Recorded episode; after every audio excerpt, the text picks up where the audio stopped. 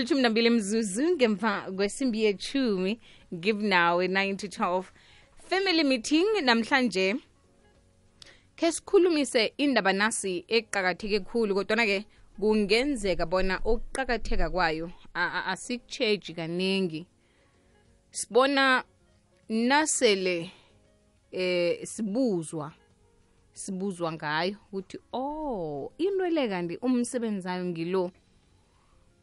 Cakatheke kangangani kuwe bona ube ne-will ezokwabela abaseleko ilifa lakho nawungasekho ephasini?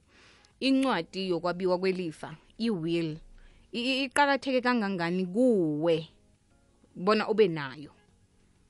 Qakatheke kangangani? Ukubona njani ukuqakatheka kwe-will? Nakhona-ke nange uthi ayekaqakatheki kuba yini utsho njalo sele uyenzile na? Namkha kwakhe kwenzeka uthola ukuthi kunomuntu okuhambako ekhaya bese kuvele bona i-will ayikho. Kwenzekani? Nadlula njani lapho? Mhlambe ngikho lokho okwakuvula amehlo ukuthi kufanele ube nayo. Ukubona ngani ukuqakatheka kwe-will? Ku-079 413 kukulapha ungithumela khona i-whatsapp voice note ungangidosela ku-086 000 3278 ngufacebook page yomrhatsho ikwekwezi fm kutwitter at ikwekwezi underscore fm at zuzu underscore princess d. Family meeting kwekwezi fm kukhanya bhayi lithumi nane imzuzu ngemva kwesimbi yethu kuzuzu lihlelo ngimi nawe. Kukwekwezi fm kukhanya ba. Ngimi nawe 9 to 12 ku-079 413 2172 eh kulapha sithumela khona i-voice note ku-family meeting usidosela ku-086 000 3278 facebook page yomrhatsho ikwekwezi fm nakutwitter at ikwekwezi underscore fm at zuzu underscore fm sikhulumisa indaba ye-will nasibiza umndeni ukuthi ngokubona kwakho namkha iqakatheke kangangani kuwe i-will uboneni ubone njani bona iqakathekile na? Um kwenzekani le eyakuvula amehlo ngokuqakatheka kwe-will? Imzuzu nayimashumi amabili nahlanu ngaphambi kwesimbi yechumi nayo uyachisa emsamo kumakhaza emnyango. Osemsamo limphosa emnyango. Mhlalo womoya olilungelunge otshisako kukwekweziyafem uhlala isukile. Uhlala kunesifundo. Kuhlala kunethando nethabo. Nalimthathako osemsamo limbeke emnyango nosemnyango liyamthatha limbeke emsamo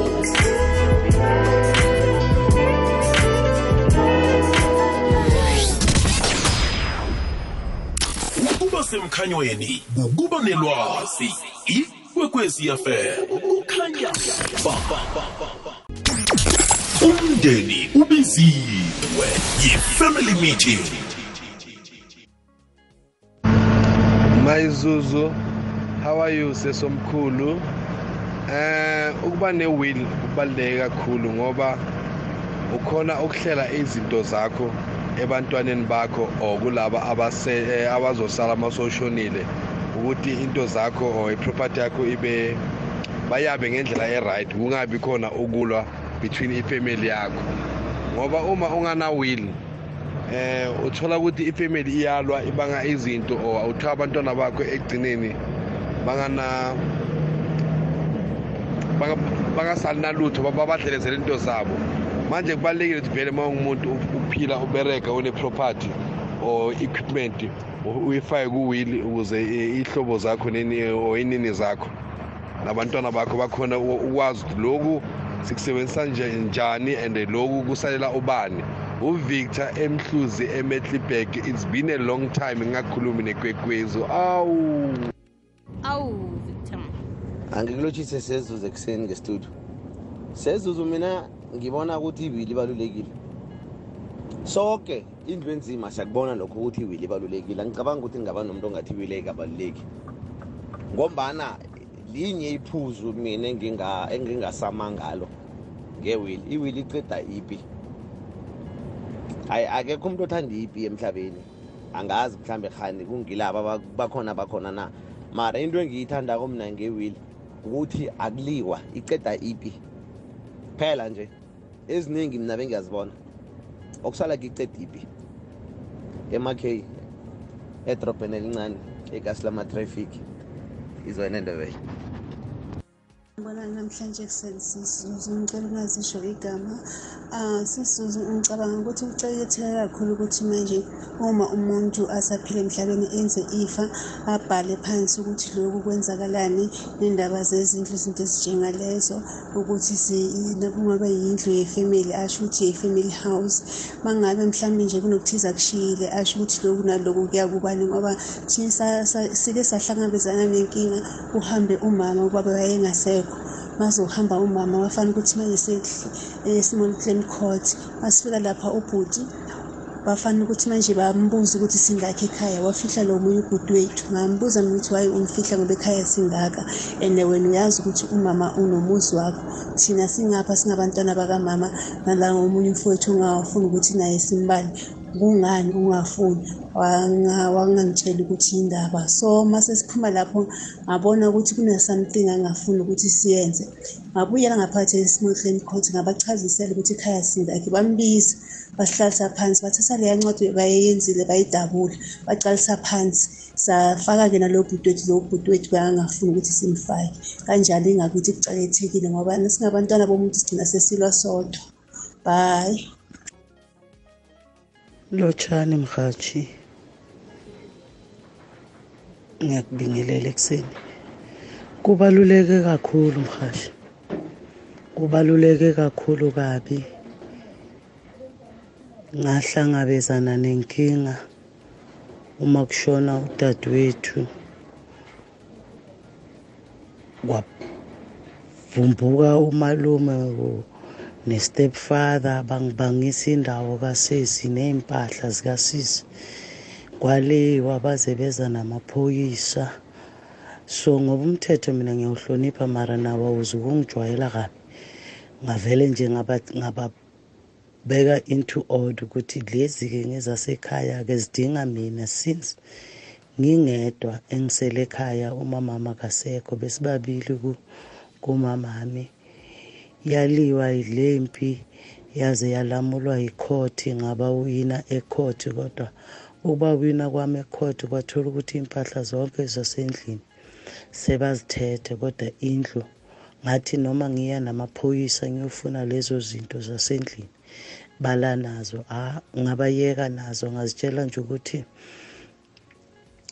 impahla iyaphela kodwa indlu izosala imile ngasala ngiwi- ngasala nendlu. So kubalulekile ukuthi siyenze iwill for abantwana bethu kwabona bangagarabhani babodwa. Number 2 bangahlangabezani nale nkinga mina engihlangabezene nayo cause isikhathi sokufa asisazi sifika nini. Uyohamba la emhlabeni shiya abantwana basenkingeni kusale kudlalwa ngabo.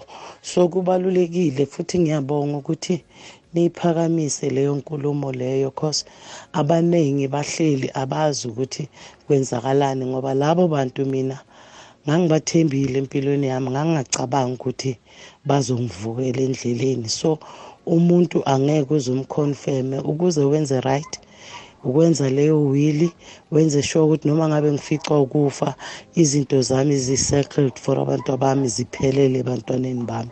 Ngiyabonga mhashi yo khamba kumuntu ephasini. Nento eziningi. Yazi kwekwezi fm kokhanya bangi mnawe 9 to 12 yi-family meeting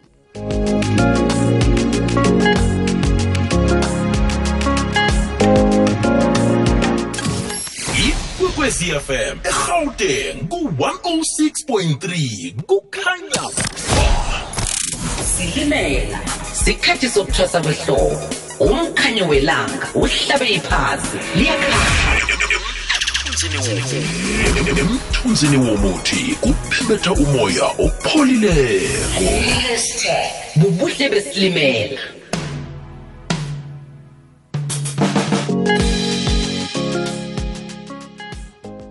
Hello sisuzu ngibingelele i-team yonke. Ah ey sisuzu yabo lento okhuluma ngayo? Iyangithinta kakhulu iyangihwatha ngifuna ukukhuluma manga ya mina iwili ngibona ibaluleke kakhulu cause mina lento yenzeka kimi. Ba ulo wami washona ubaba wami wathatha omunye umfazi. Lo mfazi le bekahlala naye azange bashade but mara ngokwesintu khona bakhipha okuncane.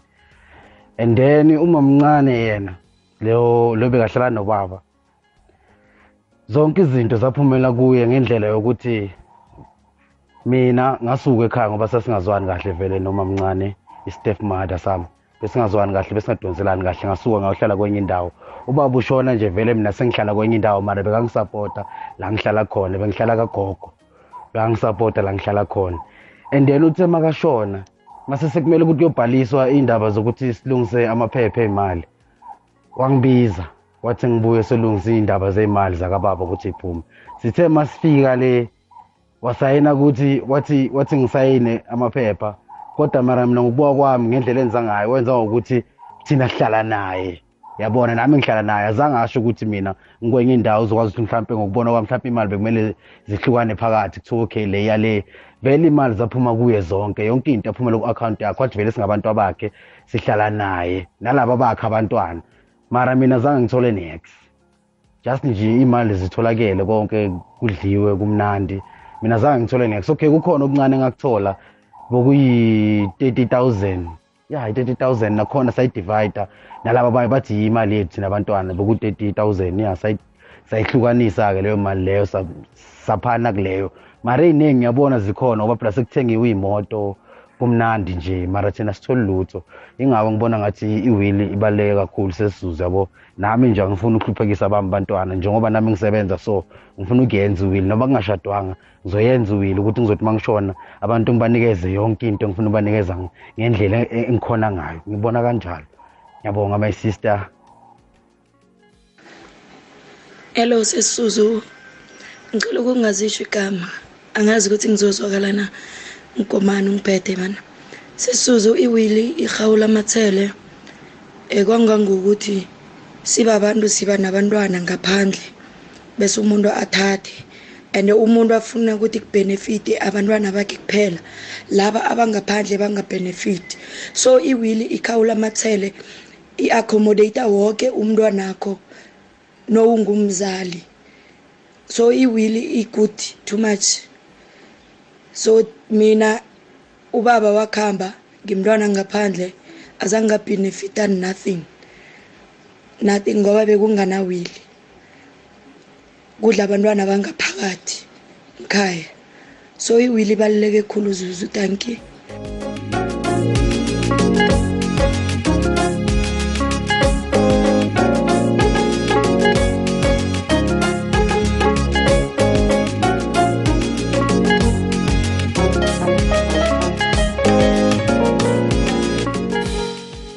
kwesimbi yechumi nanye sabe sikhambisana norejoyce machiana ngehlangothini lomthetho khe sizwe bona ukwenza namkha kuba ne-will kuqakatheke kangangani begoduke uthomaphi? Ngoba kesinye isikhathi mhlawumbe ngicabanga ukuthi anginazinto msanginalitho. Aloke i-will ngiyenza njani? Um ngizwa nomunye umnakwethu la uphatha indaba yokuthi nanyena ngakatshadi kokhunye cabanga ukuthi mhlambe isebenza khulu nangengitshadile kwaphela uzosihlathululela orejoyce ngemva kwesimbi yethumi nanye ikwekwezi fm kukhanya ba ngimnawe 9 to 12 ilithumi nane imzuzu ngemva kwesimbi yethumi nanye imzuzu nayimathumi amathathu ngemva kwesimbi yethumi nanye ukora umdlalo moya wesiloko sithi osemsamo limphosa emnyango.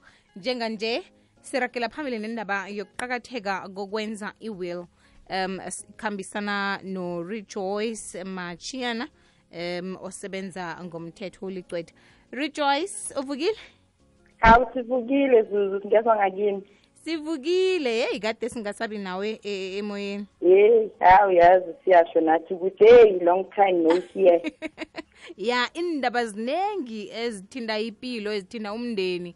Um sinande sikokoda iminyango leyo ke nje. Namhlanje sithi e-e khe sikokode nge-ofisini lomthetho ukhona urejoyce akwandi sihlale sikhona for ikwekwezi f m awa siyathokoza Mm. siphethe indaba nasi-ke sifuna ukwazi bona kulisizo kangangani bona umuntu abe ne-will encwadini Kubal- kubaluleke kakhulu ukuthi umuntu uma azazi ukuthi number one unempahla esegameni lakhe and number two unebentwana or abantu ababalulekile empilweni yakhe ukuthi uma ngabe sekasidlula azi ukuthi izinto zakhe lezi ufuna ukuthi zisale nabo bani ngoba angisho azikhambi nazo uma singena ngaphansi komhlaba. So izinto ezifana nalezo kufanele umuntu asaphila akhethe ukuthi um- le ndlu le engihlala kiyo uma sengihamba ngifuna ukuyishiyela ubani abantwana bami ngifuna basale nobani eh impahla yami ngifuna ukuthi ingathatha ubani. Eyenzela ukuthi abantu bangasali bacabana bamcabangela ukuthi umufi lona isifiso zakhe bekuyini. Kuba kuhle ukuthi akubhale asaphila sazi sonke ukuthi yena bekahlisa ukuthi kwenzakaleni ngento zakhe i-will le um njengoba na ukhuluma ngayo nje rejoyce ngiyenza nanginani mhlambe ngoba uthole ukuthi indlu anginayo kodwana ngimuntu ngiyaphila ngiyatorhatorha um ya lapha ngitorha khona kokhunye ngiphila ngokuzithengisela into ezinjalo. Eh kona uma unempahla eh ukulingana kwempahla eh kuyahlukahluka uma ngabe unayo impahla efana nendlu like immovable property yebo kubalulekile ukuthi ibe khona but esikhathini esiningi sinempahla thina mhlawumbe impahla esiyigcokayo imfelisha yasendlini amabhegi iy'cathulo iwashi anything of value or into engathi ingaba ibalulekile ngamanye amagama ngesikhwama abathe sentimental kuwe ongafisa ukuthi abanye abantu bangaba nayo or uma usaphila mhlawumbe umuntu uzokucela eyincane ibhegi yakho ngiyayithanda ungiphe yona? Into eyifana nalezo ukuthi ukuthi awunanto akusho ukuthi awunampahla ephathekayo awunanto engathengiseka. Into zakho azikusho ukuthi zingaba yinto komunye umuntu. Oh izambatho nazo zingena kuwill? Ungazifaka kuwila ngisho abanye bagcoka impahla eyidurayo kuphela Oh. iy'cathulo of value newashi ucala kuwashi ijewelary okay. ama-specs ifoni into eyifana nalezo ukuthi kwamanje impahla zamanje seziyadura. Kunabantu abaphatha ideki edlula indlu. So yile nto ekufanele si-check ukuthi izinto zakho zibaluleke kangakanani kuwe and isifiso sakho ukuthi ungafuna ukuthi ungashiyela ubani. So umthetho awukhethi. Into esizoyibheka ukuthi uma ushonile izinto zakho ziba yimalini kungafaka indlu kungafaka into ekungasiyindlu anything wonke ama-assets kwesinye isikhathi le- nemali esebhenki nayo self iya- iyafuna ukuthi usho ukuthi uma sesowushonile kwenzakaleni ngayo. Bese iwill le ngiyenza njani? Ngisizwa ngibani nangiyenzako? Iwili lena ungakhona ukuzibhalela. Mara number two ungakhona ukusizwa ummeli or number three ebhenki yakho ungakhona ukuyenza. Naw kumbalulekile ukuthi uwazi ukuthi ifanele ibe njani ngoba kunama-certain requirements ayenza ukuthi le will yakho ibe a-valid will ezoyamukeleka ngokomthetho. So kubalulekile uma ngabe uyakhona ukuzenzela kunezinto eziqakathekile ekufanele zibe khona. Into efana nokuthi kose kube nabafakazi abakubonayo uma uyisayina abafakazi ababili and then usayine wonke ama-page ubhale izinto uzisho ukuthi ushiyele ubani and then uma uyenze nasebhenki nakhona uyasho ukuthi uzokhetha ubani ukuthi uma ungasekho kube wuye-ke obhekelela-ke amafa and then-ke uma ngabe wenzela ummeli nakhona uyasho ukuthi ufuna ubani. So akusuke ukuthi yiphepha nje ubhalile ukuthi mina ma ngishona ngifuna ukushiya ini. Kunendlela ekufanele ibe ngayo and then okunye futhi okubalulekile yi-date yokuthi uyenze nini? Ngoba kungenzeka ukuthi ngihlale namhlanje sengibhale la ngibhenka khona nini sengibhale kubomeli enye ngibhale ekhaya uma sengigula. So izinto ezithize ekufanele zibe khona number one ukuthi uyibhale ephepheni ekubonakalayo. Ingaba ngesandla sakho or ungaba uyithayiphile but okubaluleke kakhulu kose uyisayine wena ngaphambi kwama-witness amabili abafakazi ababili. Or uma ngabe awukhoni ukusayina ungabhala-ke mhlambe i-cross or yenze i-thumbprint but kose ibe ne-commissioner of oath ozocertifya ukuthi yebo lo muno lona or lesiphambano lesi yesakho eh wena mbhali wili. And then bese sesibheka-ke futhi nokuthi eh uyibhale nini ukuthi sizokhona ukwazi ukuthi uma ngabe kuvela enye ebhalwe before lena izokhona ukuphikiseka. So nama-certain clauses afanele ukuthi abe khona ngokomthetho elibaluleke kakhulu kusho ukuthi uma ubhala izili kose usho ukuthi ngiphikisa wonke amanye ama-will engikhe ngawabhala uma ngibhala leyo or uyasho ukuthi ena le wili lena isapota le engikhe ngayibhala nini? Ukuthi sazi ukuthi masibona le phepha leli lihambisana yiwili yakho yokuqala yiwili yakho yokugcina or yiwili ehambisana nenye iwili so inama-requirements ekufanele ihambisane nawo okukwenza ukuthi yiwili akusinoma yiliphi iphepha elizowamukela ngokomthetho ukuthi yizifiso zakho. Kezwakala khe sithengise bese siyabuya godu rejoice. Okay. Ikhambo olikhambako. Ubuhle obonako. Ikwekwezi yafela ukhanya ba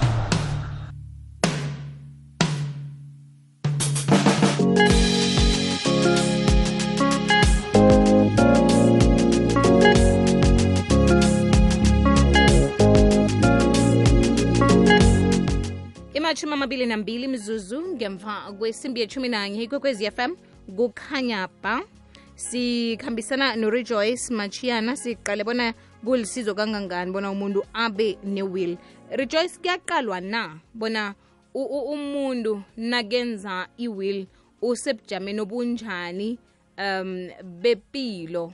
Sesiqale ukugula ukungaboni kuhle indlela ingqondo esebenza ngayo ngesikhathi eso um namkha ikani nje nakakhona yena azokukhona nokutlikitla eh, niya- niyamvumela bona enze will eh uma kufika ku- e- esimeni esinjalo kose sikhumbule ukuthi iwili le sibhalela ukuthi umuntu masisekashonile sizokhona ukuyisa ema-ofisini mhlambe like eh umuntu makashonile kose siye ecourt ecourt then bazoyisa ku-master of the high court la seku-aplayelwa khona boma-letter of authority into ey'fana nalezo. Now wena oyiphethe iwili nguwe ozoyiletha ukuthi izifiso zakhe bekuyiloku now uma sibheka i-death certificate yalo muntu nale date yale wili yakho if kuba khona ophikisayo ukuthi hawa iwili le angithembi ukuthi ingabe ibhale wumufi uzashock ngamanye amagama umphetho ithi he who alleges must prove ngamanye amagama if uthi wena akwenzeki ukuthi iwili le ingabe ubhale umufi ngoba ngaleso sikhathi bekasesibhedlela beka-unconscious or ingqondo yakhe. Then ngamanye amagama-ke ke it stands to be disputed. So ngamanye amagama icourt izokwamukela uma ngabe ufuna iphikiswe number two sibheka ukuthi i-will uma uyibhala le kuyafana ne-contract ngokomthetho uma ubhala noma yiziphi izenzo ofuna ukuzenza sibheka number one i-capacity to contract. So ngamanye amagama your capacity your mental state of mind at the time uma wenza leso senzo ukuthi bowazi ukuthi wenzani. Izenzo zakho bowuzvisisa ukuthi zisho ukuthini. So kuyenzeka kwesinye isikhathi ukuthi mhlambe ulimele eh ingqondo isasebenza but isandla lesi ngathi after i-accident awusakhoni ukuzenzela. Lo onjalo akafani nalo ukuthi u-unconscious siyazi ukuthi bengakhona ukuzibhalela. Or lokuthi namhlanje siyambona ingqondo ingenile eh kusasa ngathi akasangikhumbuli lo onjalo siyazi ukuthi bekangekho ezingqondweni. So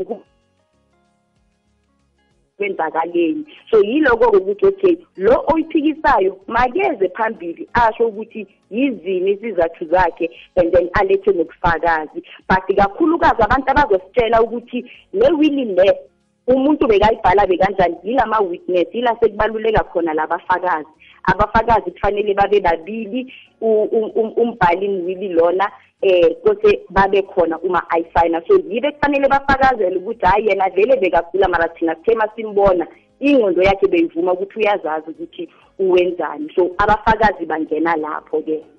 Eh, siyathokoza. Rejoice sikufumana njani um nasihloga isizo lakho? Ngitholakala kumakhaledinini kwi-zero seven two four one two 3005 072 412 3005 sithokoze khulu rejoyce ngelwazi osabele lona nangesikhathi sakho. Kubonge mina mhathi